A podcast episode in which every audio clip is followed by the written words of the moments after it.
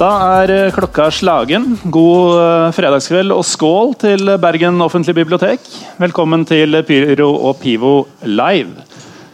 Jeg heter eh, Morten Galaasen, og med meg i dag så har jeg to legendariske fotballreisere fra Bergen. Pål Mæland, journalist, i, eller i hvert fall ansatt i Bergens Tidende. Velkommen. Ja, journalist, ja. Takk. Ja, du var litt, uh, jo da, nei, journalist. litt uklar på det i forkant. Nei. Uh, og Erlend Vågane, som er uh, Brann-fan og byråkrat. Og medmenneske. Og medmenneske. Kan man være både byråkrat og medmenneske? Eh, nei, det, du må skille. eh, Så eh, jobb og fritid eh, tror jeg kort, eh, kort oppsummert. Er det den Per Sandberg-hatten som han tok av når han skulle til Iran, og på igjen på Eh, det er nok i den duren, ja. Men her, her er vel sånn Brann- Brann-supporterhatten er vel i dag, kanskje. Og eh, Ja. fotball, glad i fotballhatten. Glad i fotballhatten kan vi starte med, og så kan dere få ta på brannhattene deres litt senere. Men dere to er jo, eh, i hvert fall på Twitter, kjent for å ha vært eh, fryktelig mye rundt og sett eh, fotball sammen. Og det er jo ingenting jeg og flere av mine tidligere gjester i Pyro Pivo elsker mer enn å snakke om fotballturer. Så i kveld skal dere få muligheten til å skinne. Og min erfaring med folk som har vært og sett fotball i Sør-Amerika, spesielt Argentina, er at de uten unntak kommer tilbake med stjerner i øynene og er frelst for alltid. Dere skal få lov til å snakke litt om deres turer til Sør-Amerika i dag. Og, um, men vi kan jo starte med uh, hvorfor dere har denne trekninga til, til å reise Bruke masse penger, masse tid, uh, ødelegge deres mellommenneskelige forhold her hjemme. uh, Miste jobber bare for å se fotball på, i grisgrendte og grendte strøk. Ja. Det har aldri gått så langt da, at vi har mistet jobben. Men nei, eh, jeg tror det er viktig å si at, i hvert fall at vi er definitivt mest interessert i det som skjer utenpå banen. Sånn at eh, Min store skrekk her i kveld er at du skal komme med sånn name-dropping på spillere i eh, argentinsk primærdivisjon, så vi burde visst at vi hadde sett. Har du hørt på Pyro Pivo før? Eh, ja da, hørt. Så. Men det hender det ganske mye navn-name-dropping. Det er kanskje mest Trym Hognar og sånn. Så. Men eh, nei Så eh, det er jo, altså, det er jo eh, på en måte alt rundt. Eh, Hva er rundt? eh, nei, altså Koket på tribunene, eventuelt manglende kok, så det, det kan jo vel så ofte være. Eh, for min del er jeg veldig interessert i stadioner, så jeg har litt sånn groundhopping-gen. Stadionarkitektur og stadioner. Eh, og så er det jo på en måte Altså ja, det, det som skjer på puben, i gatene rundt stadion. Eh, stemningen i byen. Og så kommer man til masse rare steder som du ellers aldri ville kommet til. Det er sånn, kanskje hoved eh, det gøyeste med det. At du på en måte Du har en grunn til å oppsøke steder du aldri ville reist til ellers. Erlend, er det blodfyll og gatekamper som er hovedtrekkplasser for deg òg? Ja, det eh, har jo enda ennå til gode å få, de store opplevelsene på, på akkurat det. Men det som, eh, som Paul sier, det, det er jo en fin måte sånn å strukturere en, en tur. Du vil et eller annet sted i verden, og så ser du ok, her er det noen kamper. Da reiser vi da.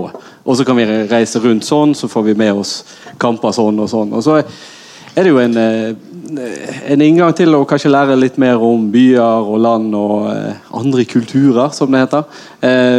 Og litt av historien til, til, til stedene. Det er jo ofte det er jo det som er fascinerende med fotball. det er liksom når det si, eh, klubbene og, og kulturen rundt på mange måter gjenspeiler litt av eh, samfunnet generelt, og eh, du kan på en måte lære noe. Så er det jo en sånn i motsetning til andre turistattraksjoner, og sånt, så er det jo noe som skjer gjerne én gang. Og det, er liksom, det er den kampen der. Så, som er, så det, er en, sånn- det er jo en unik opplevelse. da. Altså Hvor folk samles eh, gjerne i små tall eller i hopetall for å, eh, for, å, for å følge laget sitt. Det er grådig fascinerende. En ting som eh, i hvert fall gir meg veldig eh, Kanskje den største typen mestringsfølelse eh, når jeg er ute og reiser, det er det å klare å finne fram altså, Hvis dere er ute i eh, regnskogen og skal til Bogotá, finne ut hvordan kommer jeg meg dit uten å kunne språket. eh, uten å ha Google Maps tilgjengelig osv. Um, og fotballkamper gjør at man, man legger en ekstra innsats i akkurat det. Ja da, og det er jo eh, Vi har jo opplevelser der vi har havnet feil også. Men Det kan vi komme tilbake til. Men eh, Eh, det er jo sånn, det er veldig gøy. at faktisk Når jeg har reist alene og vært alenesteder, så pleier jeg å gjøre det sånn at jeg ser aldri på kartet hvor stadion er. Jeg vet liksom nærmeste T-banestasjon eller togstasjon eller et eller annet. Og så finner du noen som ser ut som de skal på fotballkamp. Mm. Det, du, du, ser, du, kan se typen, selv om de går uten supporter. Så kan du, så kan du bare følge dem. Ni av ti ganger så går det bra.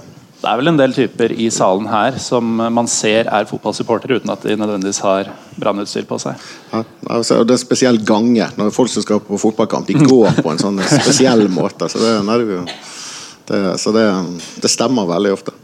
Det er bra sosialantropologi også.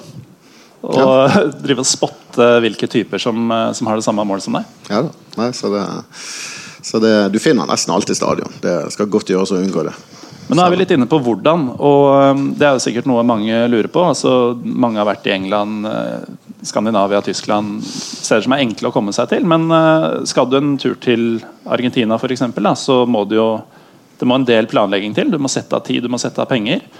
Um, og ikke minst så må du jo klare deg mens du er der. Uh, kan ikke dere ta oss litt gjennom prosessen deres når dere fra dere sitter her i Bergen til dere er på plass i Buenos Aires? Ja, um, vi har vært to turer til Sør-Amerika, og begge gangene har vært um, rundt påske. Og det har jo vært litt sånn praktisk at du kan bruke de fridagene i påsken. Slipper å bruke så mange feriedager, selv om det går jo en del likevel. Uh, for begge gangene har vi vel rundt tre uker.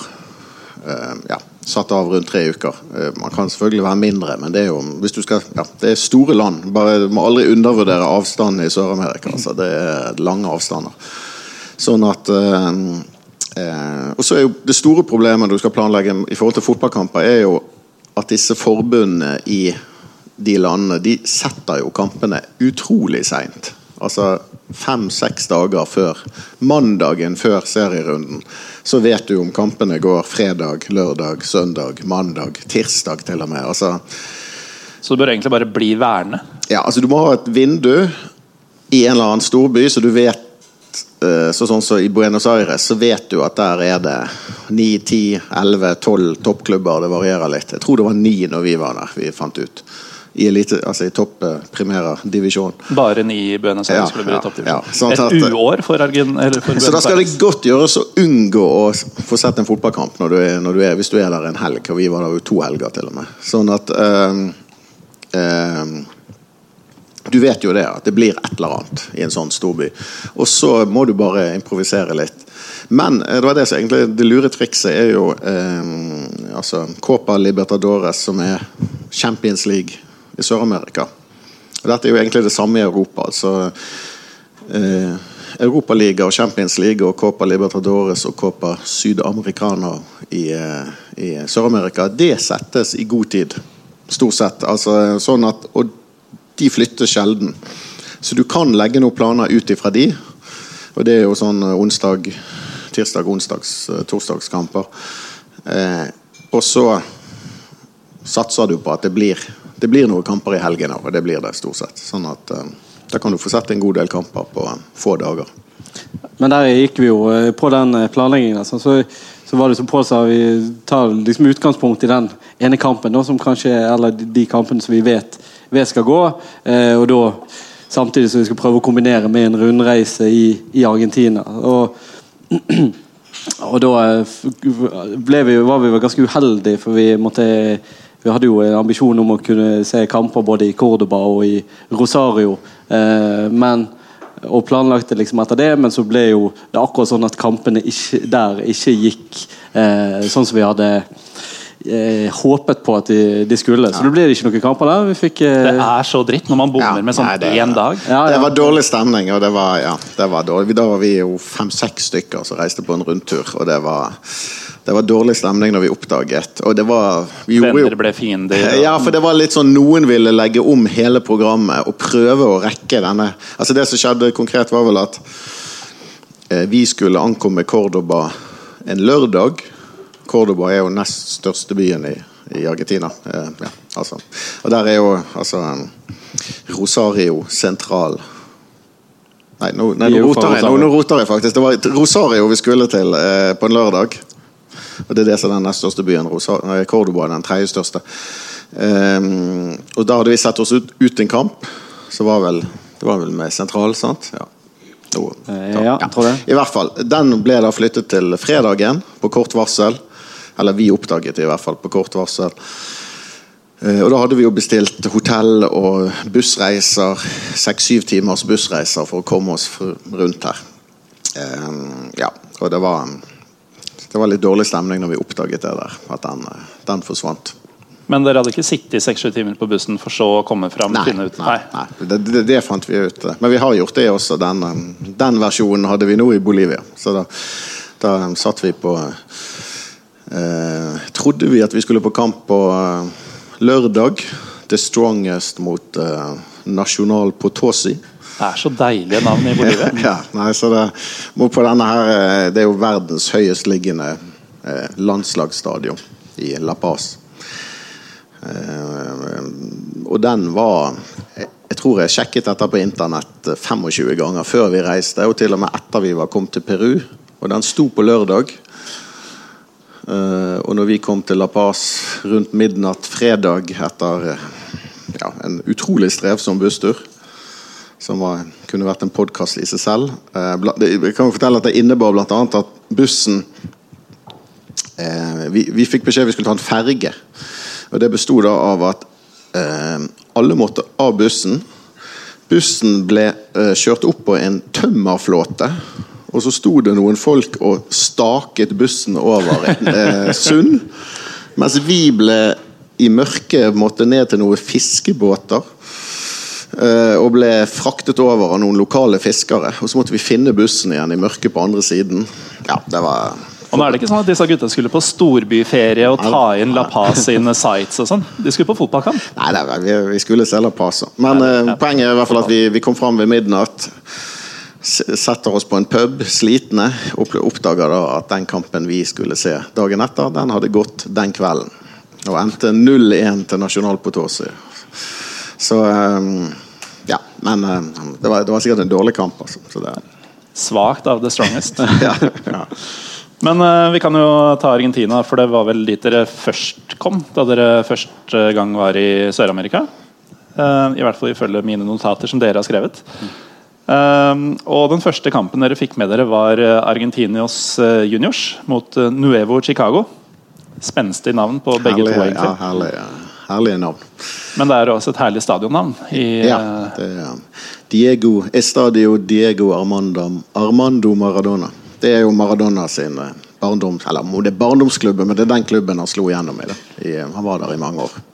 Hvor stort var det for dere? Altså Hvor stor er Maradona for deg, Erlend? Nei, det er, det er jo eh, selvfølgelig sånn en legende, men jeg må innrømme at er litt, eh, litt i yngste laget for å få med, ha fått med meg de, de store høydepunktene. Men eh, det er jo likevel Det å være på et stadion som eh, det, har jo en, har jo en viss klang, da. Eh, og så Iallfall når det er en ganske sånn liten, eh, liten stadion. Det er så skikkelig Det er sånn eh, Når du du kommer inn på stadion og så ser du kampen, og når du kommer ut, så er det bare ser alle bare, alle bare fordufter ute i husene. Sant? De går i nabohuset og låser seg inn. Det er liksom sånn, det er sånn- skikkelig sånn nabolags, verdens nabolagsstemning. mest, verdens mest klimavennlige klubb. Ingen, ingen kjørte bil, for det, alle bodde i nabolaget. Så det var folk bare De gikk. De bodde i kvartalene rundt stadion. Så veldig sånn nabolagsklubb. Det var kanskje en eh, 6000 på kampen, 6000-7000, så det var en ganske rolig start på Argentina-kampene. Ja, Det skulle Men, ta eh, seg opp. Ja, det tok seg opp. Eh, Men, eh, så, men det var gøy, veldig gøy. Det var veldig sjarmerende, og det var god stemning. Og, og, de hadde vel, så vidt jeg husker, så hadde de supportergjenger. De hadde to langsider, og egentlig ingenting på kortsidene. Men på begge langsidene hadde de supportergjenger med korps, eller sånn her, ja, orkester som eh, var ganske bra kok. Men, eh, men det, ble, det ble bedre etter hvert i Argentina. Altså. Kan vi ikke ta opp, ta opp det med ko- korps, holdt jeg på med orkester med en gang, siden vi sitter i Bergen nå? Og vi har noen eh, alternative blant oss. Blant annet. Men det er jo en av de byene i Norge som er steilest imot bruk av tromme, eh, På tribunene. Og så er det jo de samme folka som ser til eh, Kanskje tar av seg buksa først og setter på YouTube-videoer med San Lorenzo. Um, Den store YouTube-klubben eh, i Argentina. Mm. Ja, altså den kunne man Det er ingen her som egentlig trenger de nettsidene som legger en virus på maskina di. Du kan bare søke opp San Lorenzo Barra Bravas, og så gjør det jobben. Ja. Nei, det, det, er jo ting som jeg funderte, fundert, eh, fundert mye på. Sant? Altså, liksom diskuterer altså, liksom, tromme, ikke tromme, megafon. Altså, nå er det, jo eh, Etter eh, ganske mye fram og tilbake så er det, er det nå tatt i bruk megafon på eh, Brann stadion. Og det er liksom eh, Og så kommer du der, og så er det liksom ja, Da er det trommer og trombone og eh, Caracas og cymbaler og, og full, full, pakke. Det er jo, det er jo det er jo, det er jo veldig sånn melodiøst. Altså det, er, det, er, jo rett og slett uh, utrolig vakkert. Men selvfølgelig så har du litt det samme problemet som, som i Norge. At uh, hvis, er, hvis, det er 2000 syngende og en liten tromme, så, uh, så går det. Men sånn som Argentinos junior, så, så, er det jo Orkesteret lager like mye bråk, selv om de bare er 300-400 som står og koker og synger. Men det, det er veldig ja, altså, Poenget er at i Argentina så, og stort sett på de store kampene så overdøver jo publikum orkesteret. Du, mm. du, kan så vidt høre det i bakgrunnen, liksom, at det er noe som holder takten der. Og, men, eh, men eh, det er jo kanskje litt urealistisk at vi skal komme der i Norge, men eh, Vi er ikke så flinke musikanter. Nei, men og, og, ja, og med den syngingen. Og altså men uh, altså, jeg har jo snudd litt på det der. Jeg var, nok, jeg var jo blant de som var veldig skeptisk til i hvert fall tromme. Jeg er fortsatt skeptisk til tromme. Men uh, snudd litt på det der med at altså, noe som holder takten, noe som uh, Å bruke litt virkemidler, det, jeg tror det kunne vært av det gode også i Spesielt på Brann stadion. Altså det er jo Er det 100 Brann-supportere som synger på en pub, så ender sangen på fire forskjellige steder. Altså. Det er helt umulig for Brann-supportere å holde, holde, samme tempo og takt. Og jeg tror kanskje vi er de dårligste i hele Norge på det. Så, eh, så, På søndag så eh, stiller jeg med kornett på eh, feltsett. Selvsagt. Mm. Um, men uh, apropos San Lorenzo. Dere um, det, det, var ikke mye 6000 tilskuere og ny, hyggelig nabolagsstemning da dere dro på Copa Libertadores og Nei. så San Lorenzo mot Sao Paulo? Nei, det er veldig lite hyggelig nabolag. For det stadionet ligger i, uh, ligger i en, like ved den mest beryktede slummen i Buenos Aires. Altså, og dette er jo alltid sånn uh, Du blir veldig advart mot å gå rundt der i det området. Og sånn Erfaringsmessig så er jo det ofte det er litt overdrevet. Men, eh, men, vi tok for så vidt hensyn til det den gangen. Altså. Det, um, nei, men og, um, Historien til San Lorenzo er jo litt interessant, fordi um, holder egentlig til Kommer fra en, et, en bydel, Barrio, som heter Boedo. Som ligger litt nærmere sentrum enn der de nå holder til. og Grunnen er at de ble tvangsflyttet på ja, Var det rundt 1980 vi ble enige om? 1979 eh, ja. ble, de, ble, tomten ekspropriert av regjeringen. Av eh, militære juntaen. Ja. Eh, og solgt videre til Carrefour. Eh, altså handels, eh, varehandelskjeden. ja, sånn gigantisk supermarked. Så ligger det på den tomten der som stadion lå i si 100 år, eller i hvert fall i alle år. Og de har hatt en enorm kampanje for å komme tilbake til til Boedo. De syng, det er jo stort sett det de synger om. Det er veldig Mange av sangene handler om det, at vi skal tilbake. Storme kjøpesenteret. Ja. Uh, og de har jo faktisk kjøpt kjøpt der Carrefour-butikken nå. Uh, San Lorenzo har gjort det? Ja, de samlet, samlet, penger og har kjøpt hele greien. Så de får skal, det til? Og de skal rive butikken og bygge, ja da, og de skal bygge en ny stadion. Så det, jeg tror den det er på vei, liksom. Det er, jo, det er jo en av de store sånn romantiske fortellingene om om hva, hva, supportere kan få til. Altså de, dette, apropos YouTube, dette ligger det masse av altså fra disse demonstrasjonene som vi holder. Sant? Klar, og, og alt det med penger som vi har fått inn, og, og greid liksom å, å, virkelig kjempe dette igjennom. Da. Og så eh, får vi se, jeg håper at de, de, får det til. For det er jo sånn, det er sånn nesten en sånn klisjéklubb, for det, liksom, alt er så liksom sånn vakkert rundt eh, San Lorenzo. Og, og, og, og, nå eh, Apropos sanger og sånt. Vi, vi har jo vært, uh, vært, litt rundt, og du hører jo liksom, Det er liksom mye av de samme sangene som går igjen, men San Lorenzo uh, har liksom en sånn de har sånn eget repertoar av, av, melodier og sanger som er rett og slett så veldig sånn fint å høre på.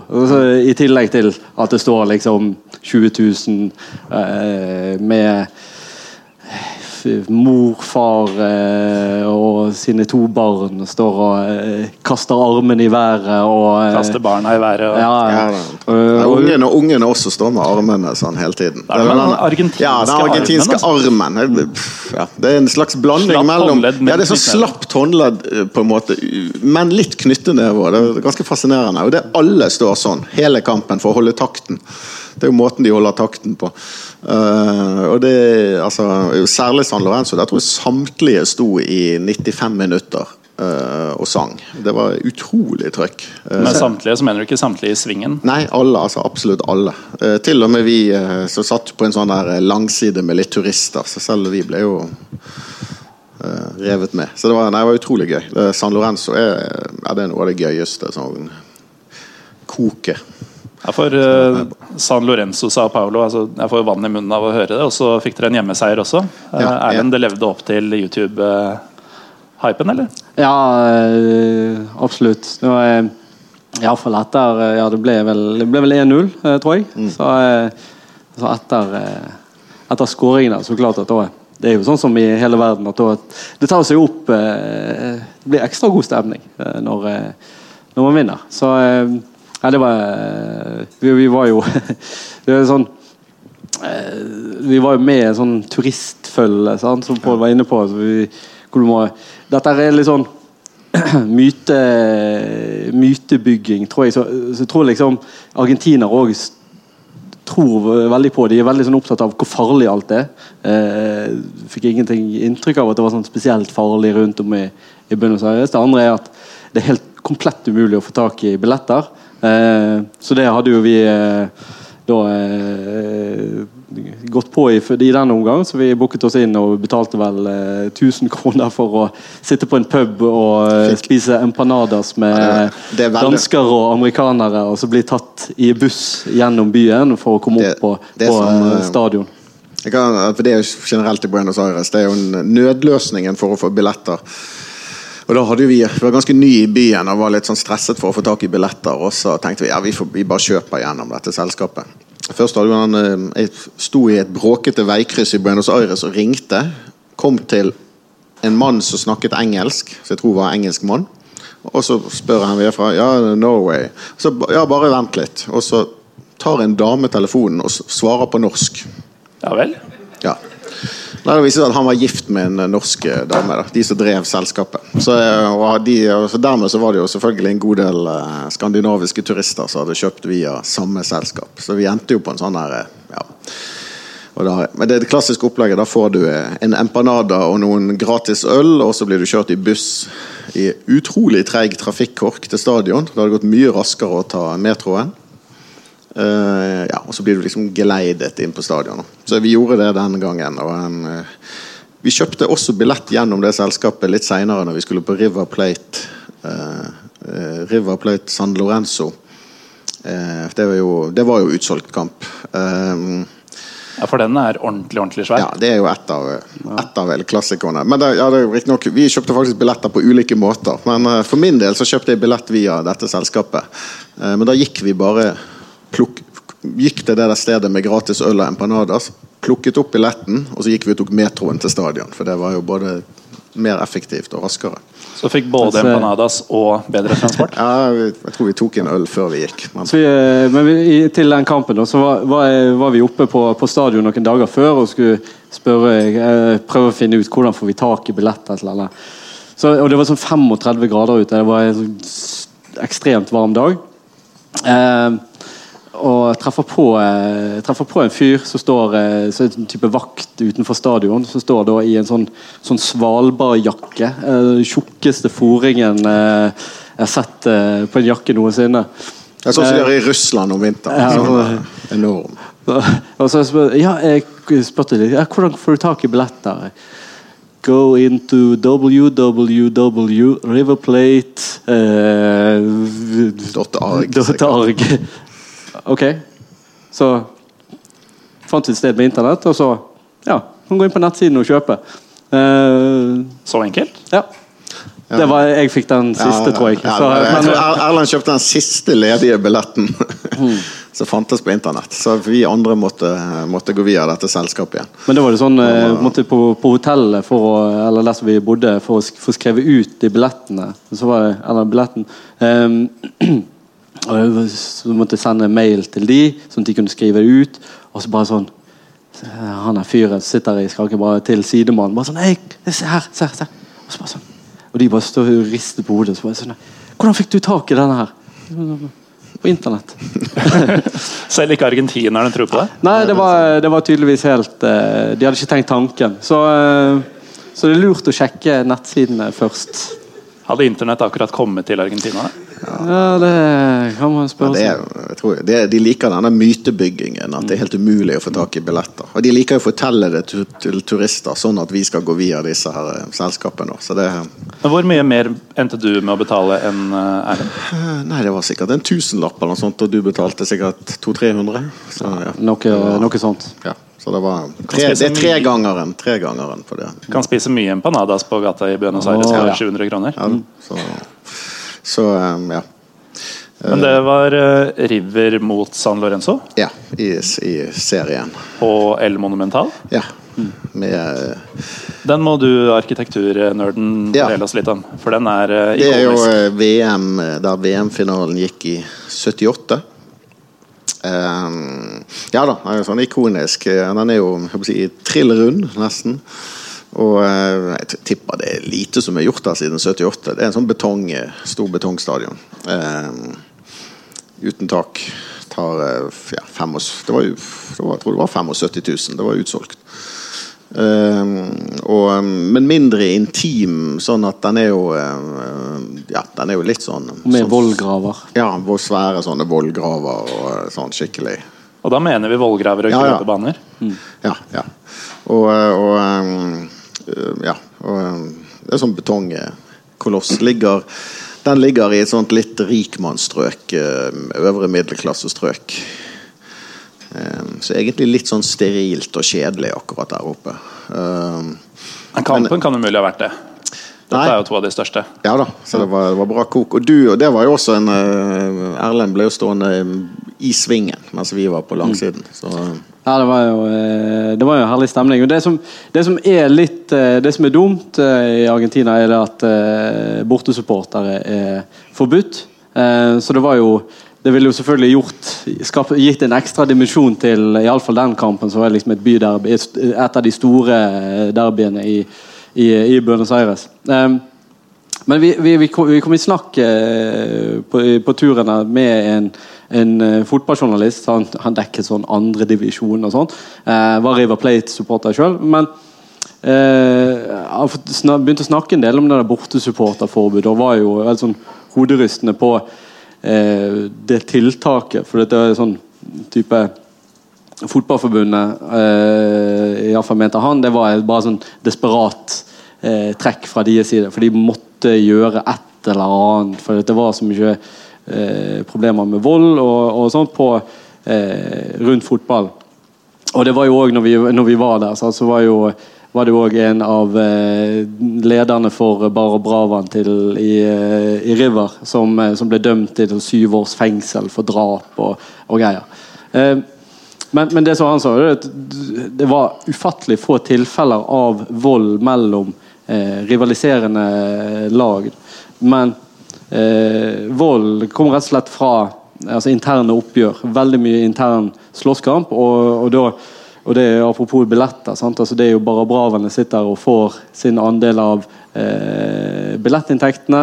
De styrer jo i praksis klubbene. de styrer eh, klubbene i praksis, som på mafiavis, rett og slett.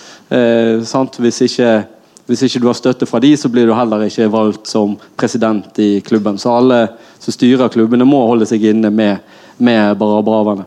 Eh, men eh, i tillegg så er det jo narkotika og andre andre virksomheter de, de driver på med. Det, det så vi jo litt på, på, på Monumentalen. og Det var jo sånn interessant. Eh, for det var, når vi kom inn, så var det liksom på, på River sin, sin side, der Ultrasen sto, så var det liksom bare sånn stort hull i midten.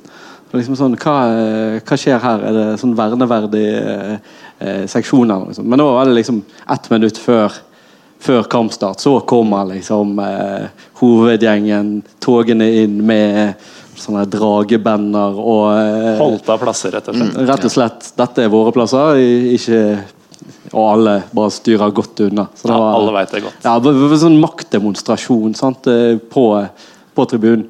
Nå er vel eh, kanskje River det verste på akkurat, eh, akkurat, akkurat det der. Men, eh, men det var eh, For det var, når det er stappfullt, og du har liksom et sånn stort felt midt innpå der som bare står som et gapende hull, så, og de kommer togene inn, da er, skjønner du at disse, disse tuller du ikke med. altså. Men apropos demonstrasjon, det var jo en politisk markering også, som dere fikk med Ja, dere på det var- matchen.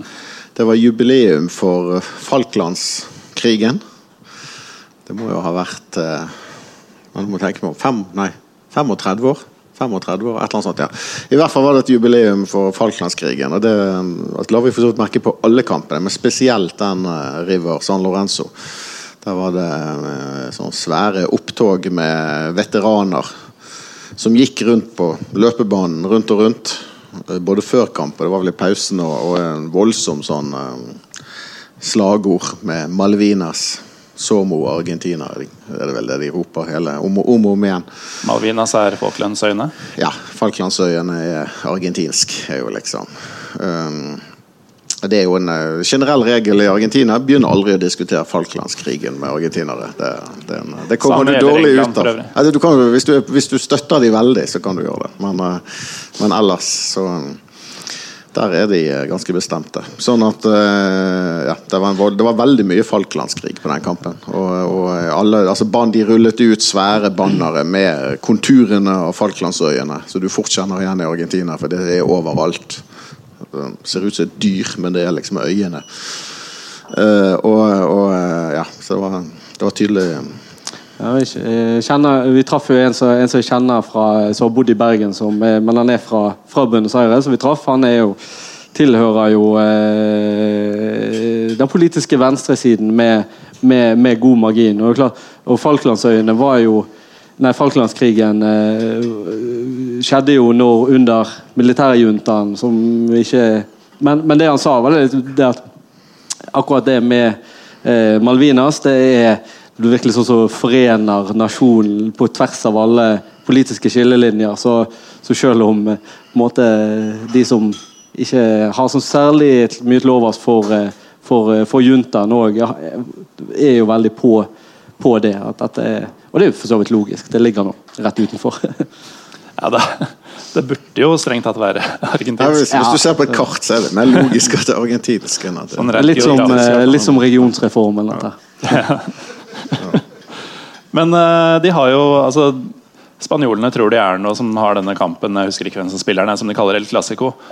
Uh, men i uh, bare Buenos Aires alene så er det jo masse klassikos. Ja. Og eh, dere var jo på en klassiko til. Ja, samme dag. To, to på to én dag. klassikos på en dag? Nei, altså Vi dro rett fra Monumental. Vi fikk ikke med oss eh, målet siste målet i den kampen Nei, heller. For vi vi gikk. gikk noen minutter før for å rekke eh, oss altså, Det var jo litt for å komme før folkemengden, sant? sånn at vi kunne kapre Vi måtte ha to drosjer, for vi var vel seks stykker. Um, kapre to drosjer og komme oss på andre siden av byen, eller i hvert fall et godt stykke til uh, Hurrakan. Ut fra det vi har sagt om Argentina så langt, så skal vi kanskje være forsiktige med å si at dere kapra to taxier. Nei, ja, vi er stoppet på gaten. Det er jo det man gjør. Men, Og nei, betalte for dere, ikke sant? Betalte, ja da. Betalte ha overpris. Det tror vi blir godt, sikkert godt lurt. Nei, eh, til eh, ja, Huracan Boca Juniors i, som var, gikk på på, der snakker vi. Herlig stadion. Eh, Jeg fikk mer mann i munnen der enn Monumental. For det, altså, Hurrakan Huracan spiller på en stadion som må være fra sånn eh, 1930, ja, i 1930, ja. Eh, eh, I en slags sånn eh, art deco-stil. eh, Veldig stilig stadion i sin tid. Eh, Så har han stått til forfall omtrent siden 1930, men, eh, men eh, det var veldig sjarmerende betongstadion med sånn tårn.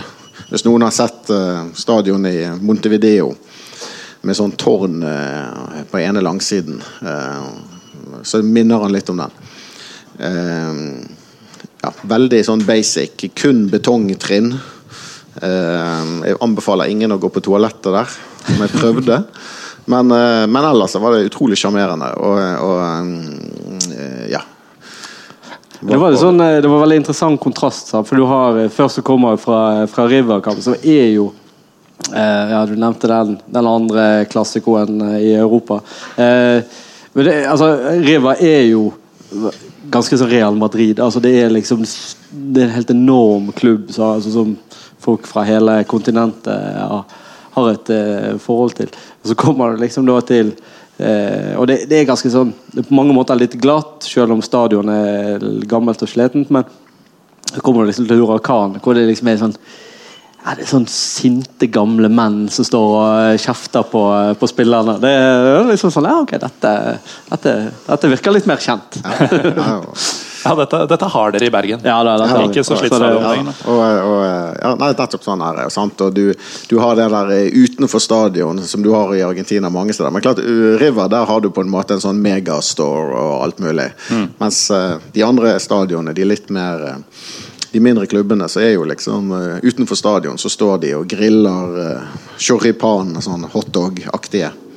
Gode hotdogger. Altså grillpølser.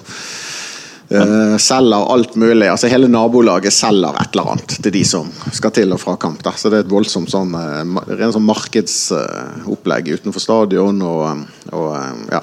Og det som var veldig, veldig spesielt i nabolaget der, var det at altså, inne på stadion var det veldig mange, mange flotte, kule sånne muraltegninger inne i gangene og, og rundt, som på en måte eh, sto litt i stil til, til stadion. da. Eh, Men det var òg ute i gatene.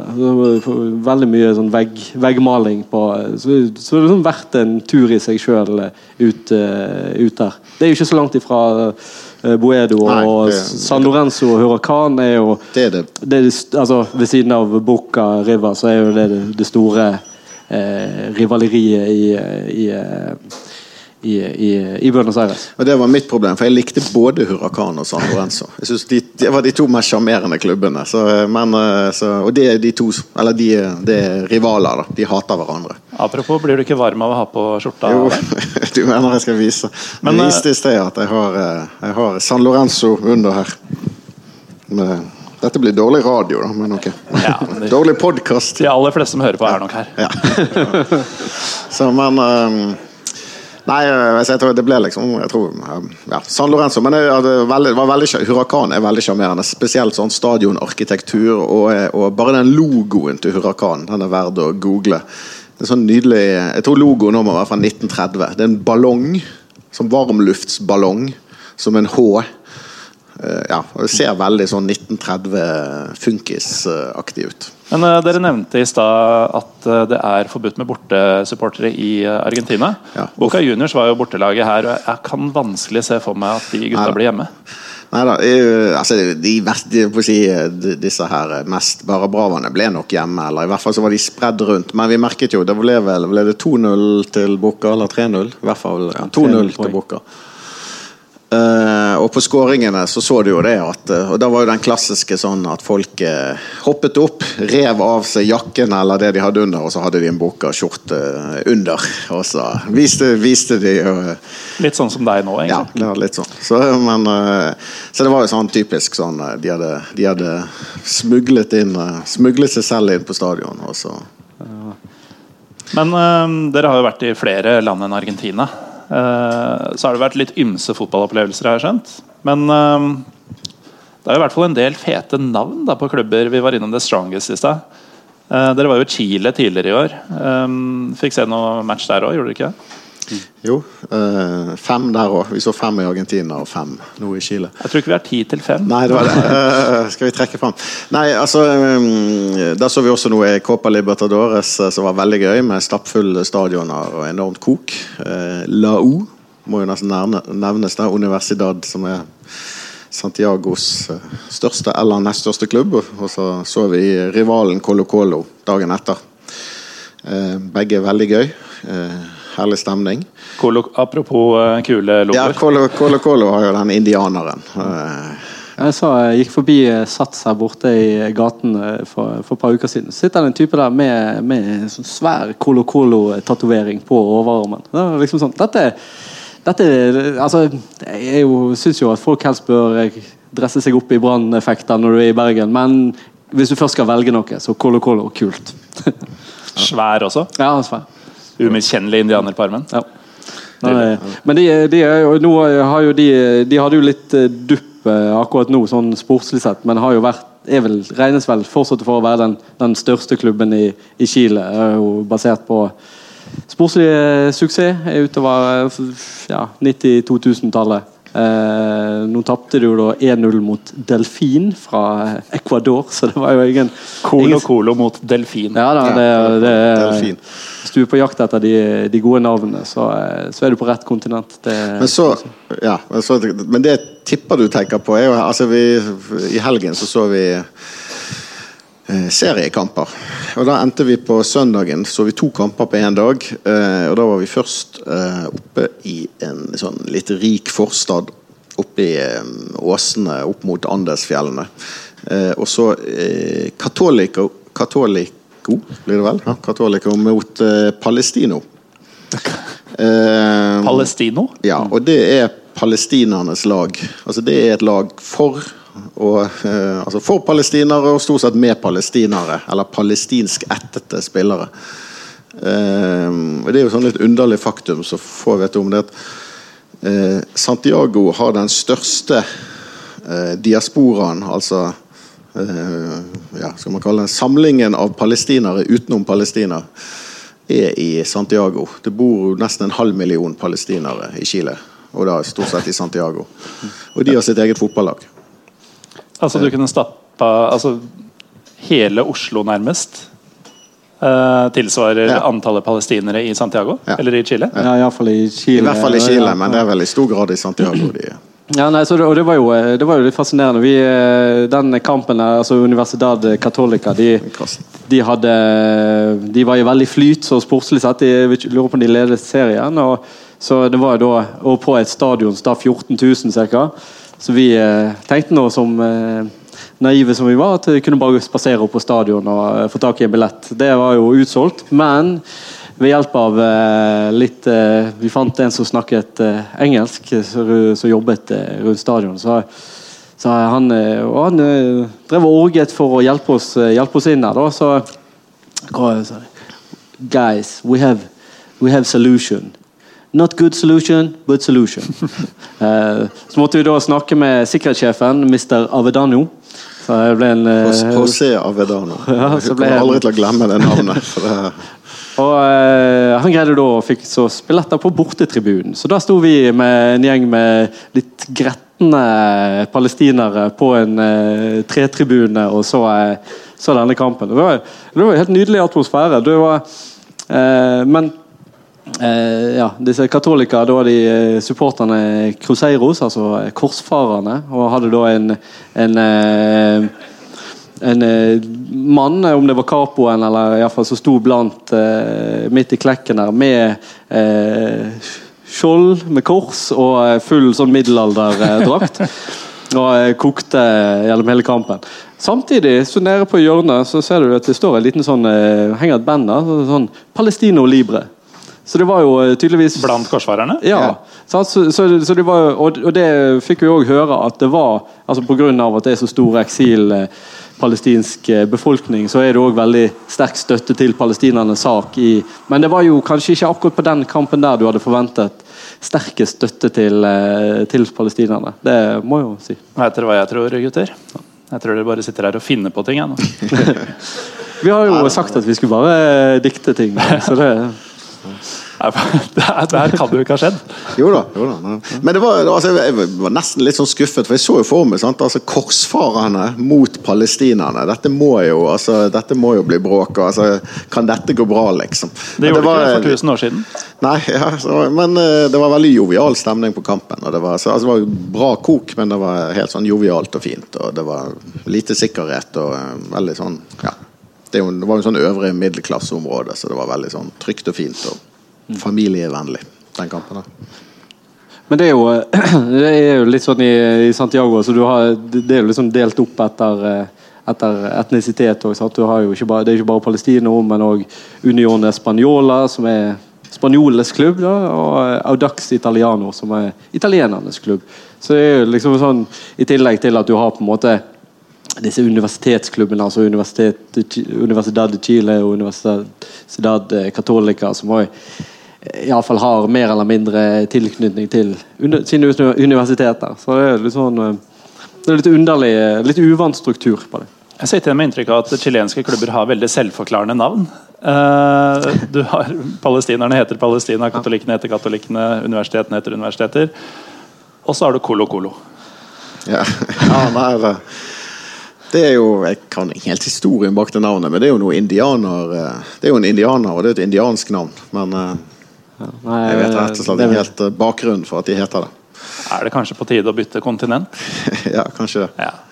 Vi skal gjøre det litt mer tilgjengelig, kanskje. Fordi dere har jo vært på matcher i Europa også. Og nå kan jeg også melde meg på i diskusjonene, kanskje. Eh, dere har vært litt eh, rundt omkring, eh, men eh, jeg ser at én ting stikker seg litt ut. Det var da dere skulle på en av mine drømmekamper. Olympiakos mot Panathinaikos Ja. i Aten. Det er fortsatt vår drømmekamp. Eller en av våre drømmekamper. Ja. Det ble ikke noe av. Nei. Um, nei, det er jo litt sånn som vi sa i begynnelsen, at du får noen bomturer. Um, det var, da var vi en gjeng Vi var vel fem som skulle, hadde bestemt oss Vi bestemte oss, jeg tipper sånn i august, at i november var det skulle vi til Aten, se Olympiakos uh, Panathinaikos. Eh, altså derbyet i Eller etter derbyen i Aten. Eh, og sjekket terminlisten. Jeg husker at det var Jeg sjekket på BBC, for jeg tenkte det var troverdig kilde. Og bestilte. Eh, og så når det nærmer seg liksom reisedato, så eh, jeg husker jeg fikk en sånn litt desperat melding fra han ene at liksom Ja, men helvete, det er jo, det er jo feil helg! og nei, og svarte nei, nei, nei, nei, dette har jeg sjekket så mange ganger. Og dette, så, men eh, det viste seg jo at jo, nei. Eh, så nå, BBC sin feil, eh, så vi ja, krever tilbake enten skylder vi på. BBC, eller så er det greske fotballforbundet som har flyttet kampene. BBC eller det greske fotballforbundet. Ja, for Kampen sto fortsatt på BBC Ja, sin, sånn sine sider på, eh, på den helgen som vi, skulle, som vi reiste. Så det kan faktisk ha vært BBC? Ja, Ja, for jeg tok det for gitt at det var tulleforbundet. Ja, egentlig.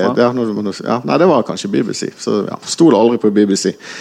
Stol aldri på BBC. Så eh, ja, Men det ble en fin tur likevel. Altså, så det, vi fikk sett eh, to fotballkamper og én basketkamp. Ja, kan vi ikke ta basketkampen, fordi den ser jo råsexy ut. Og med inneakustikk og sånn. Altså, hva så Ja, dere? var, eh, eh, Panathinaikos mot uh, Røde Stjerne i, i Europaligaen, eller Euroliga, er det vel det heter? Ja, Europaliga er hellig. Ja, ja, sorry. Dette heter Euroliga. Ja. Eh, så var jo eh, Der òg var det vel heller ikke lov med bortesupportere, men eh, det er klart med eh, Grekerne er jo et eh, dynamisk eh, folkeslag, så de greier å lage eh, nydelig kok eh, inni en hall, for å si det eh, forsiktig. Det som er utfordringen her, er at i tillegg til pyro og eh, sang, så er det òg store mengder med, med røyk fra både sigaretter og andre typer røykemidler. mest andre Så du blir veldig trøtt. Nei, Det det var var, en sånn problemstilling som vi ikke hadde tenkt på at det skulle dukke opp. Men det var, det var rett og slett I tillegg til at jeg ikke syns at basket er så grådig gøy.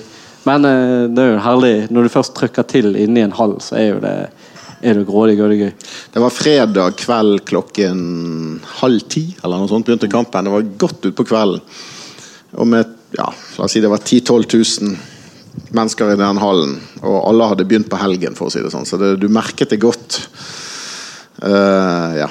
Så, eh, og det var eh, Ja, nei, det var, det var gøy. Altså, det var jo sånn, jeg husker Vi hadde sånn diskusjon underveis. Hvor mange omganger sa vi sikkert? Det heter vel perioder. Hvor mange omganger er det egentlig basket? Er det tre eller fire? Så det var liksom på det nivået vi var når det gjaldt basket. Men, eh, men, men koket var bra. Og vi fikk jo oppleve Panathinaikos, apropos sånn si supporterklubber som styrer, så fikk vi oppleve det da vi skulle gikk oppover mot hallen. Så etter noen billettluker. Så er det jo én type, da, eh, Panathinaikos supporter eh, fra Ultrasen der, som sikkert skjønner med en gang at her har vi noen dumme turister. Så han eh, stormer bort til oss, og eh, nei, han kunne ordne billetter, og vi kunne kjøpe og sånt. Og mye styr, og vi, eh, og vi var så fem stykker. og eh, nei, Han kunne ordne billetter alle fem, og ingen problem. Og geleider oss bort til inngangen, og fortsatt hadde vi ikke fått noe billett. Så vi var litt sånn Ja, men her er disse billettene. Og, og så viser det seg at systemet var jo at han eh, kjente vakten som sto der. Så det han gjorde, var at han bare sa til vakten at han skulle slippe oss forbi. Og så ga Jeg lurer på om det var vakten som ga oss et sånt kort eller en billett. Så vi bare skulle holde foran den der eh, skanneren. Og det brukte vi jo fem ganger. Alle sammen brukte det, og så var vi inne. Uh, og så fikk han tilbake kortet. Ja, så fikk han tilbake kortet, og så fant han noen nok... nye turister så de gjorde det samme med. Sant? Og så er det jo, her er det jo noe økonomi inne i bildet, sant? så da får vel han betalt eller Vi betalte jo selvfølgelig han, og så eh, har han fått noe gratiskort så, og har en, eh, en, eller annen deal med denne vakten. Så gudene Så, eh, så er innkastere på basketkamper i Hellas? Ja, og, som stikker av med pengene. Men for oss, vi kommer oss inn til samme pris som vi heller ville betalt. Så det ja, Nydelig. Men uh, ja, vi må snakke om den ene eh, kampen, fotballkampen som vi var på. Så var det sånn, to, men. Ja, vi to, men vi så Panathenaikos Panathinaikos mot uh, Iraklis. Det var, det var en midt på tre-kamp. Men vi så Atromitos mot uh, Olympiakos. Det var en, det var en sånn en overraskende sølvskatt som dukket opp ute i Peristeri, en av forstedene til Aten.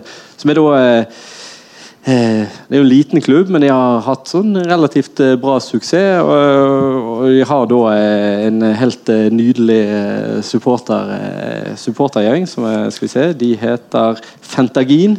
Som er da Og som har veldig sånn tydelig antifascist, antirasist profil. Da.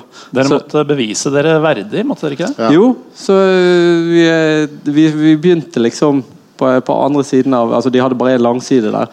Altså vi hoppet lenger og lenger bortover på, på tribunen, og så plutselig står vi der midt, midt blant uh, ultragjengen. og der òg var det en uh, tjukk dis av uh, søtlig, uh, søtlig røyk. Men kommer en fyr. Where are you guys from? Norway. Are you anti-fascist? Yes. 100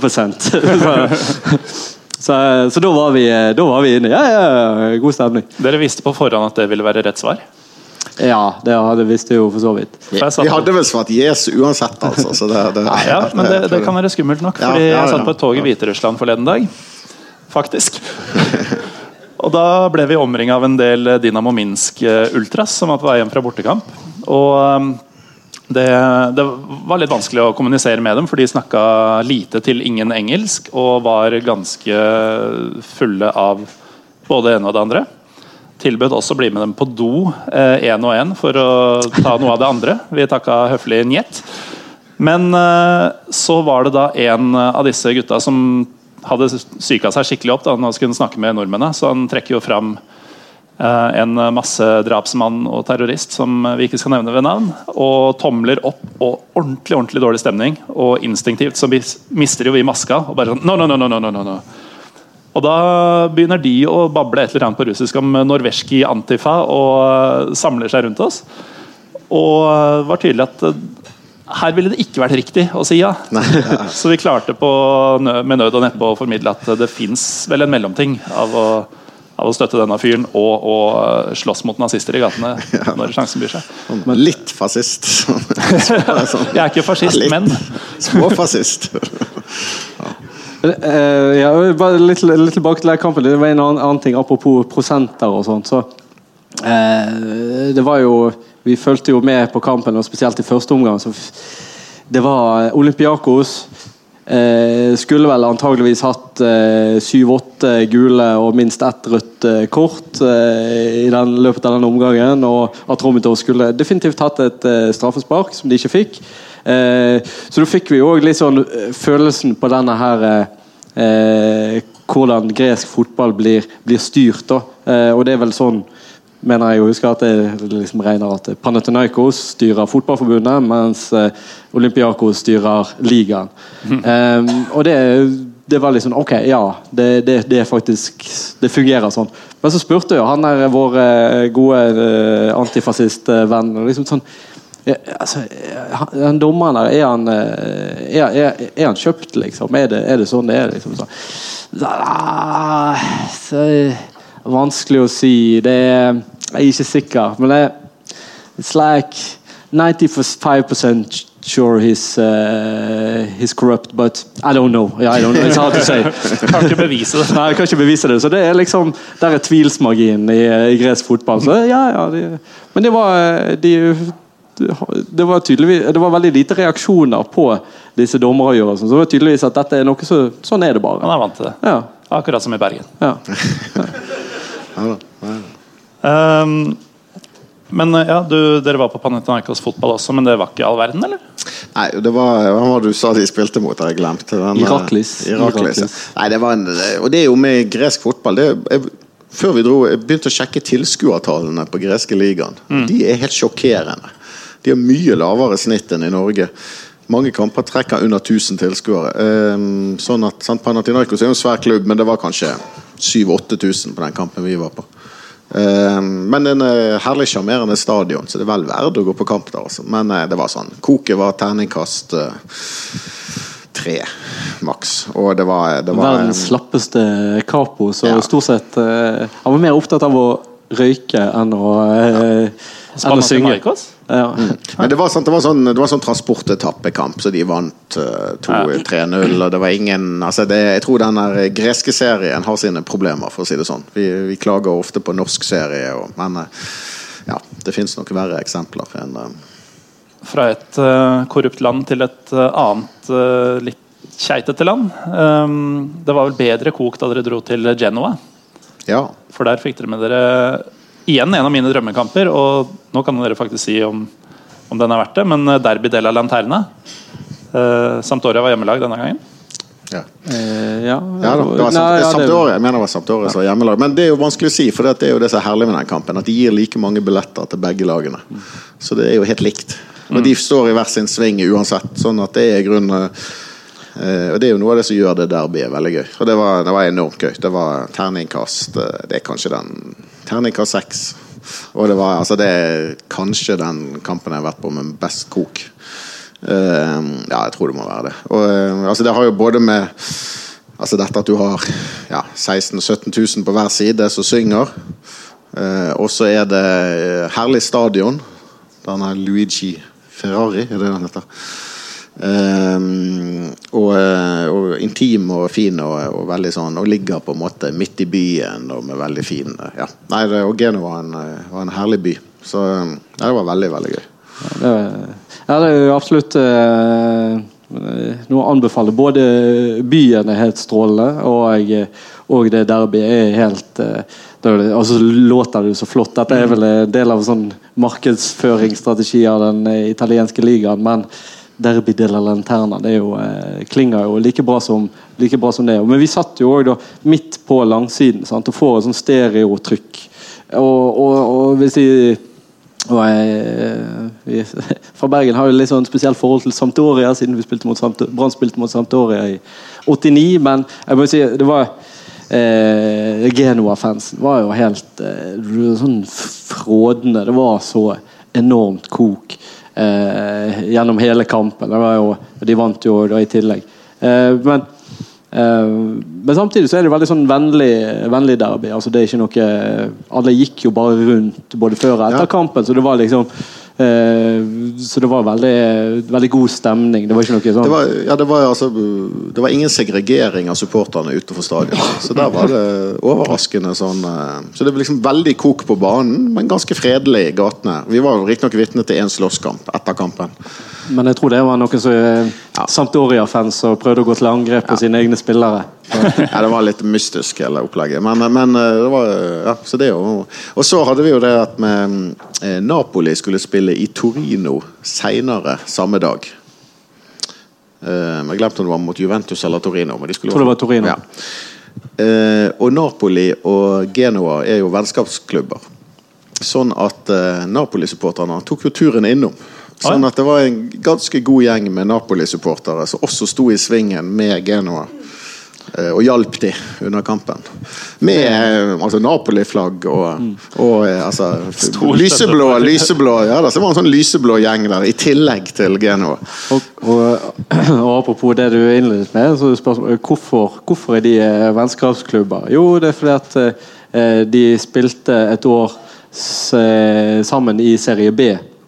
Eh, og så spilte de siste seriekampen mot hverandre, eh, som da var eh, Hvor situasjonen var der at eh, hvis, eh, hvis den kampen endte 0-0, så kom begge lagene til å rykke opp. Siden gitt hvilket land dette her er i, så kan du jo kan gjette resultatet. Ja. Til én i odds, eller? Ja, der omkring. Så det, ja, det er sånn man skaper vennskap. ja, så det er rørende. Men dette er jo eh, Det vi har snakka om i dag, er turer som dere to eh, med flere har opplevd sammen. Men dere har vært litt eh, hver for dere også. Jeg tenkte Før vi går over til det ingen her egentlig ville snakke om, norsk fotball, så jeg lurte jeg på Erlend, du kan begynne. Hva er det du har gjort av fotballturer som du tror Pål er mest misunnelig på? Eh, Jeg sendte dere en skruball nå. Dette har vi ja, den, var, eh, den kom eh, Nei, eh, da vil eh, kanskje eh, Kanskje kamp, eh, På kamp i Salerno eh, ja. Salernitana? Ja, Salernitana. er Eh, det var det var jo sånn eh, Og Pål som er så interessert i stadionarkitektur, så tror jeg det må være verdens bratteste tribune på, på, på kortsidene. der. Det var eh, Altså Det var bare 10 000 på den kampen som vi var på. Det var ikke noen stor kamp, men det var eh, fantastisk bra, eh, bra ultras. Og det var, eh, det var skikkelig skikkelig trøkk på stadion. Det var, det var en sånn ja, en, en litt uventet høydere. Jeg hadde jo lest litt om det, og de har jo blitt litt kjent for de har pga. den bratte tribunen og en del av tifoene de har eh, på eh, har der nede. Eh, så, så har gjort mye kult sånn sett òg. Men eh, det var ikke noe TIFO på akkurat den kampen jeg var på, men det var iallfall eh, Men stemningsnivået var, eh, var helt herlig. Så det Ja, det vil jeg sier den. Overraskende eh, valg, så vidt jeg Ja, jeg kunne jo sagt Tromsø Brann nå i forrige helg, men jeg tror ikke det var Det ville vært enda mer overraskende. Det ville vært overraskende. Uh, Pål, du da? Hva er det du har som, uh, som Erlend gjerne ville hatt på merittlista? Uh, nei eh, Ja, du ville jo sikkert sett Derby i Istanbul hvis du kunne. Eh, ja. Den gangen det var bortefans? Eh, ja, eller i hvert fall nesten. Var, jeg var på Fenerbahçe Galatasaray for ganske mange år siden. 2009, med Sølve som sitter i salen her. Så, eh, men eh, da endte vi nesten på bortetribunen, vi, eller vi, rett ved siden av. Vi måtte flytte oss. Det ble litt for eh, da, Poenget var jo at dette var jo mens det fortsatt var lov med bortesupporter i Tyrkia. Det har nå vært forbudt i ganske mange år.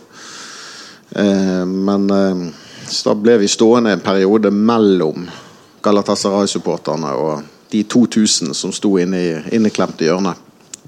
Det var litt av noen typer. Eh, så vi endte jo med vi måtte rett og slett flytte oss. Det haglet ting over. Altså Det var et høyt gjerde, så vi sto ganske nærmt gjerdet, men det var likevel eh, Det føltes tryggere ut å gå litt lenger bort. Eh, Nei, det var veldig gøy, det. Men det var, ja Dette er jo alltid sånn definisjon av gøy. Kampen var helt grusom, sånn som jeg husker det. var en forferdelig dårlig fotballkamp. Men enormt god stemning fram til kampen begynte. Og så begynte det å dale. Eh, så det er, liksom, det er jo et sånn generelt triks på sånne kamper. Vær tidlig ute. For ofte så er stemningen bedre opp mot kampstart enn han er under kampen. Nervene har jo en tendens til å ta overhånd eh, når kampen starter. Og i Tyrkia spesielt, jeg har vært på noen av de derbyene selv, og det er jo nesten viktigere å pipe når motstanderen får ballen, enn å synge sine egne sanger. Så uansett hva du begynner å sette i gang, så vil det overdøves av alle langsidene og sånt som ikke er med på det i utgangspunktet. Um, ta med øre, ørepropper hvis dere skal på den. Ja, også, Dette tror jeg du har sagt en gang, men det, jeg fikk også oppleve det. Ha ingenting i lommene, for det blir tatt. For min del var det bare mynter, men jeg tror du fortalte om både nøkler og altså Politiet tar alt på vei inn på stadion. Så det, alt som kan kastes, blir tatt. Ja, Så ikke ha ting som kan kastes. Ta øreproppene på så de ikke finner dem i lomma. Um, så var det Norge. da. Og uh, Våre to sportsklubber skal møtes på søndag. Uh, I den forbindelse så var du litt sånn leken på mail, uh, Pål, og tenkte du kunne anbefale noen borteturer i Obos. Ja, takk. For det har jo dere erfaring med, men vi, den andre sportsklubben har jo ikke den ennå. Den Nei, uh, må vi vente til neste år kanskje, kanskje neste år, ja. Nei, det, Nei, det, det er liksom de som har eh, eh, bortekamper på nivå to for Lillestrøm. Da, er- da er du eh, gammel og ekte. Det skal jeg Men uh, hva var det dere opplevde i uh, førstedivisjon uh, som dere nesten ikke trodde kunne gå an? Nei, ikke tro. Men altså, sant, nedrykk er jo, det er jo ganske jævlig. Uh, og, og, um, men det er jo sånn, du må alltid se på de lyse sidene. Og som litt sånn groundhopper-gen, så er jo det lyse siden at du får kommet til nye stadioner og nye steder du aldri har vært før. Som Bærum? Bærum, ja. På, da, apropos stadioner, jeg husker da sto vi jo på um, heter det, Kadettangen. Og stad, her er jo stadion i hermetegn. Sant? Når vi snakker om Obos-ligaen, snakker om stadioner i Obos-ligaen. det er jo en, Kadettangen er jo en treningsbane med noen midlertidige tribuner rundt. Um, og så var vi jo um, Sto på pub før, før kampen, og jeg ble stående og snakke med Lars Johnsen, Josemar, og faren. Eh, og vi, Det ble flere og flere Brann-supportere, og det rant inn. Og jeg begynte å bli litt bekymret, for jeg hadde jo sett på denne bortetribunen. Og det var jo det var delvis en sånn klassisk eh, stillastribune som man har i Obos-ligaen. Men så var det også en gammel tretribune. Eh, og så spør jeg vel da faren til eh, Lars Johnsen om eh, ja, Tåler han altså Vi blir jo 1000 Brann-supportere. Tåler han så mange? Nei, det var ingen problem, svarte han. For den, den tribunen var bygget til OL i 52. I, så den, den hadde nå stått siden 52, så det da skulle gå helt fint. Og det gjorde jo det. Men eh, for det er grunnen, altså, forklaringen er altså at det ble spilt ishockey i vinter-OL i 1952 på Kadettangen. Ja. Naturligvis. Ja, så det er utendørs ishockey. Men uh... Altså, ja, det var bare sånn Østlandet. eh, Det er jo, eh, det er jo sjelden det liksom sånn Stort tema. Jeg angrer, angrer på bortekamper som jeg reiser på, spesielt hvis vi vinner. Men vi var Follo. Det tror jeg jeg angrer på. at bare, Selv om vi vant vel 1-0 og det er, Altså, alt er feil. Det, du kommer der på stasjonen, du tar en øl på Ski storsenter.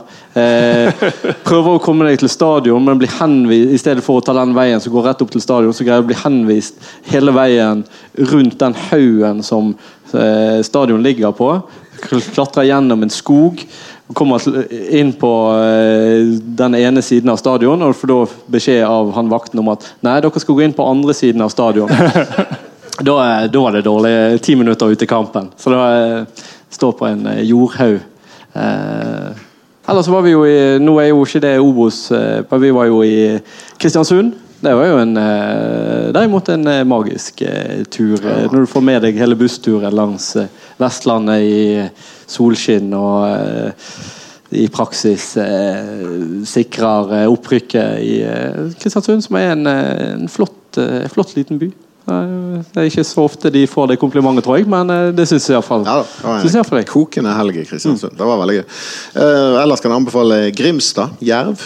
De holder seg vel nå, så er det, det, det, var- altså. ja, det er mandag Mandag, eller var det tirsdag? Vi hadde jo nesten bare mandag- og tirsdagskamper på grunn av, og det kommer jo Lillestrøm til å få. hvis dere havner der nede, så Det er bare det er utelukkende mandag- og tirsdagskamper.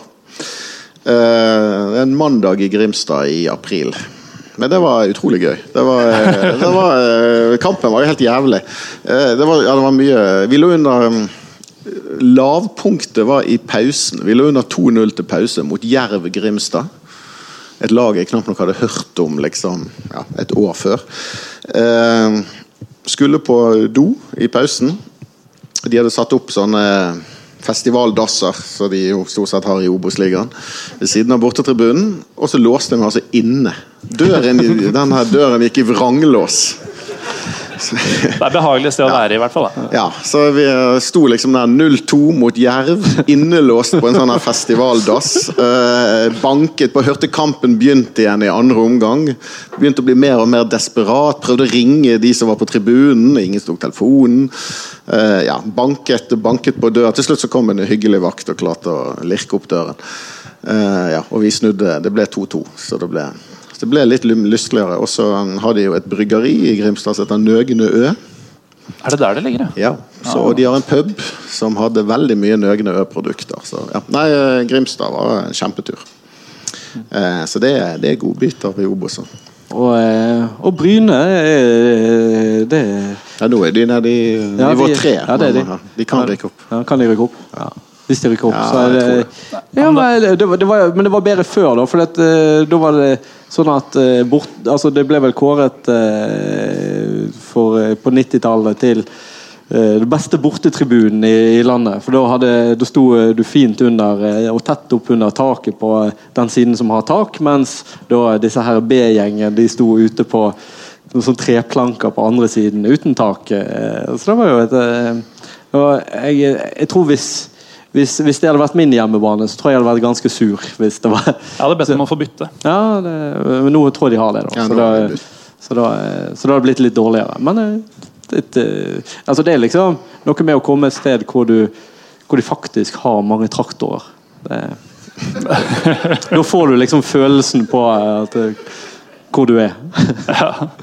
Og Nå ser det ut som både Åsane og Nest holder seg i Obos. Så det blir jo to borteturer til Bergen neste år. i tilfelle. Så det er jo Så deilig. Men apropos Bergen. nå har jeg uh, vært på Twitter i uh, hele år og lest om at det koker i byen her.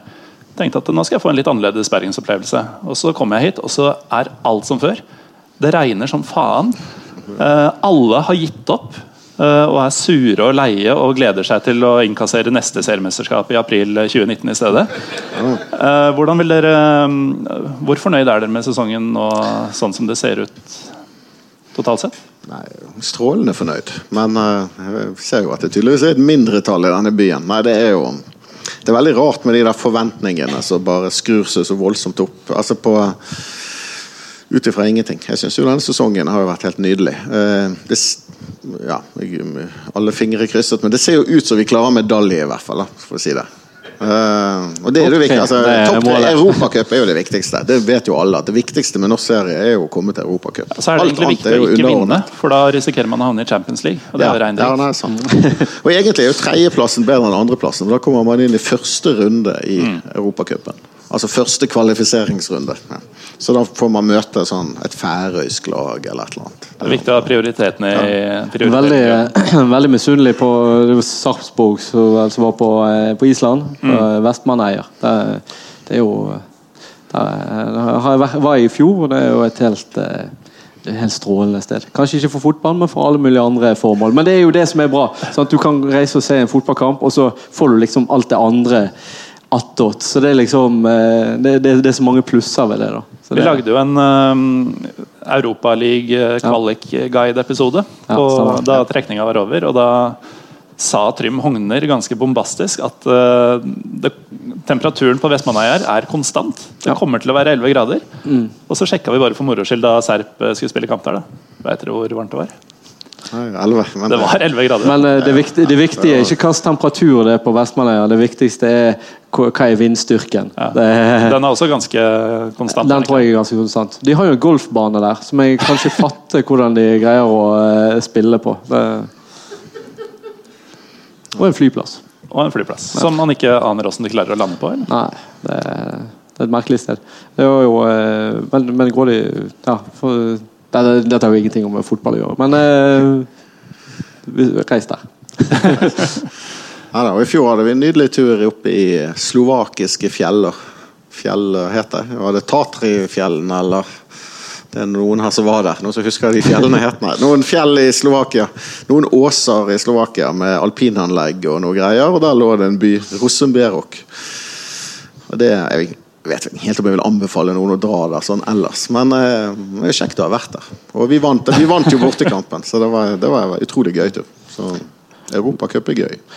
Men iallfall Nei, Sesongen er jo eh, er jo helt strålende. eh, Altså, med mindre vi skulle gå skikkelig på trynet og, og havne utenfor eh, på fjerdeplass. Eh, men eh, det er nå, litt som Pål sa eh, tidligere i, i dag, i en annen sammenheng, at det er jo når alt kommer til alt, så er jo en sesong er jo en samling med, med opplevelser. Og det er, har noen skikkelig sånn godbiter av bortekampen. Sånn, vi var i Kristiansand med 800 bergensere. som- På et sted som er helt umulig å komme til fra Bergen. Eh, vinner 1-0. Det er strålende. Rosenborg borte. Eh, som det, det, det er sånn Jeg var der eh, for første gang på, eh, på mange år. og eh, Mest fordi at det er sånn Ok, hvis vi vinner i år Det liksom det, ikke, jeg, det gjør vi jo ikke, men eh, hvis, det, hvis det skulle skje, så vil jeg for guds skyld ikke ha gått glipp av det. Og så vinner vi. Og så Haugesund nå for, eh, for noen uker siden, og, og vinner, eh, vinner der òg med 1500 bergensere på tribunen. Det er jo sånn Dette er jo liksom eh, livets, eh, livets tekstur. så det er Det er ekstremt pompøst. Ja. Ja, Det er jo er ikke, er ikke, det derfor, er ikke det derfor vi er her? Ja, nå var det litt mye, syns jeg. Ja, nå var det litt sånn. Han er, litt, han er litteraturviter.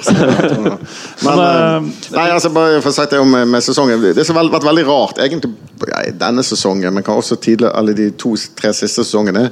Det er sånn veldig entusiasme blant oss som er på alle kamper og reiser på en del bortekamper. Føler jeg liksom Entusiasmen er veldig god. Og på bortebane har det aldri vært Brann altså Brann-supporterne har aldri vært bedre på bortebane enn i år. Men på hjemmebane så er det liksom vi 9000. Det er de samme 9000 som møter opp hver gang. Noen ganger Noen ganger blir det 11, liksom. Men det er, det er veldig sånn underlig. Resten av byen har eh, helt mistet det. Men eh, det er jo litt, det er fryktelig vanskelig å gjøre noe med det. det er, altså, ja, vi kan snakke litt om billettpriser og sånt, men, men altså, utenom det så er det det, det er en slags sånn mangel på entusiasme utenom akkurat vi som vi som går på stadion og er liksom fast. Men det er nok det føles som det er veldig mye de samme folkene som er der gang etter gang. Og på bortekamper òg ser du jo de samme fjesene. Men det er vel mer et symptom eh, over hele Fotball-Norge. Selv Bergen, som Ja. mer eller mindre er en del av Norge. Um, men vi, eh, vi er nødt til å runde av eh, straks. Jeg tenkte bare jeg skulle nevne at eh, jeg fikk Noe av det første jeg gjorde da jeg landa i dag og kom inn til byen, det var å gå innom butikken og kjøpe meg med en boks av dette gullølet. For det måtte jeg teste. Og har dere prøvd det? Ja, vi, Ja. Fikk, vi fikk en, en kasse, nei, heter det noe, brett fra Hansa på, til Haugesund-turen. For min del så det minna meg veldig om eh, Henrik Kjelsrud Johansen. jeg jeg merka at det var der, og det, det, det gjorde liksom en viss jobb. Men eh, det var, det, var det, det var det, liksom. Ja, nei da, det Ja, det, det, det er kanskje den mest treffende eh, sammenligningen jeg har hørt i, i år. For noe ting som helst. Jeg er fornøyd med det. Ja, den eh, All all ære. uh, før vi avslutter da, så tenkte vi uh, Og dette var ikke noen stor suksess forrige gang jeg var her, uh, men vi tenkte å høre om det er noen spørsmål til noen av oss fra salen. I så fall så har den eminente tekniker Jan en mikrofon der, så det er bare å rekke opp hånda. Og siden ingen rekker opp hånda, så tenker jeg at vi kan ta Kom det noen? Nei? Nei? Bare folk som løfter ølen sin? Da, Der eh, var en. Der er det noen! Yes. Det er første gang. Yes. Så bra. På, um, ja, på uh, Fotballringen, det der programmet til Bård Tufte Johans, da var han jo så River Plate eh, Boca Juniors. Da Ja. var det jo uh, borte eh, Boca, Junior, Boca Juniors fans eh, på bortekamp da. Ja, nei, det, det, jeg leste om det. Altså, det ble forbudt i Argentina Var det året før vi var der? Altså, Vi var der, vi var i Argentina Ja, i 2015. Og jeg tror det hadde, Hvis jeg husker riktig, så hadde det blitt De hadde forbudt bortesupportere året før. Så det er bare og om, ja, som du sa, Det var ingen sånn spesiell hendelse. Det var bare at Vi bare med det. Fotballforbundet fant ut at nei, nå er det forbudt med bortesupportere. Så vi, Det var jo veldig synd, for la oss si Hurrakan-boka. Så sto jo hele ene svingen som de vanligvis bruker til bortesupportere, sto jo bare tom. Sånn at eh, normalt på den kampen ville det jo vært 7000-8000 borte. Eh, eh, Det var en ting som jeg glemte å si i sted, som jeg, som jeg ikke hadde noe med spørsmål her å gjøre. men Eh, vi snakker om liksom Brann er en sånn klubb som lever på gamle triumfer og sånt. Men i Huracan så har de sånn svært banner dersom bortesupporterne eh, skulle stått. Så, eh, med sånn klubbens trofeer. Og det er da utelukkende sånn eh, De vant eh, altså Copa Argentina, så jeg tror liksom er eh, Sånn prehistorisk cup. ja, det er sånn nummer to-cupen i Argentina. Så de vant Liga, eh, ligacupen, liksom. Ja, ligacupen Ja, på alle det, ja. 1924, 1928, 1930 og 1932. Det var liksom dette stolte Stolte storklubben Huracan. Nydelig. Eh, flere spørsmål før vi eh, slår av disse tingestene vi har Der, ja! Nå begynner det å koke her. vet du. Oi, oi. Ja, altså eh, Dere har reist litt, men har noen av dere vært virkelig utrygge på en kamp før? Altså, hvor har dere vært redd, da? Ja, nei Skal vi se, jeg må tenke meg om. Nei. Uh, nei, altså det er jo det. Jeg synes jo det er jo veldig overdrevet her, der, At det er uh, Jeg må tenke meg litt om. Nei. Det eneste var Vi var for noen år siden på Stockholms eh, Ja. derby Dju- Hammarby-Djurgården. Eh, da var det litt eh, slåsskamp eh, utenfor stadion. Eh, men uten at det var sånn kjempeskummelt. Det som er ja, sk- skumleste stedet å være, er jo Oslo, sånn midten av eh, 2000-tallet. Da jeg jeg ble angrepet tre ganger på, på ett år i, Ja. i Oslo. Eh, Så det var i 2004. Det var, det var ikke så gøy. Selv da inkludert en gang hvor vi var på eh, eh, vi skulle på, sånn, på en fest. Og så plutselig står det fem skinheads eh, nede i baren her. og sånn Bergen? Ja, nei, jeg trodde ikke jeg slapp unna. Uh, nei, for min del så Jeg har jo hatt et par ublide møter med tyrkisk politi. Uh, selvfølgelig som uskyldig tilskuer. Men uh, det er vel det nærmeste jeg har vært å liksom kjenne på at dette er litt farlig. Det var da jeg var i 2010, på siste seriekampen da Fenerbahçe skulle vinne ligaen, eh, med seier. Hvor eh, en misforståelse Det blir bare uavgjort her, men hele stadion tror de har fått den hjelpa de trenger fra en annen kamp, som gjør at det uavgjort holder likevel. Så det er da spikeren som har opplyst om dette, så viser seg å være feil etterpå. Men det får de ikke vite før etter en stund. Og tyrkere er jo på en måte bergensere på speed. Så hvis de tror de har vunnet, så, så tar de ordentlig av. Og hvis du tar det vekk fra dem da, da blir det dårlig stemning.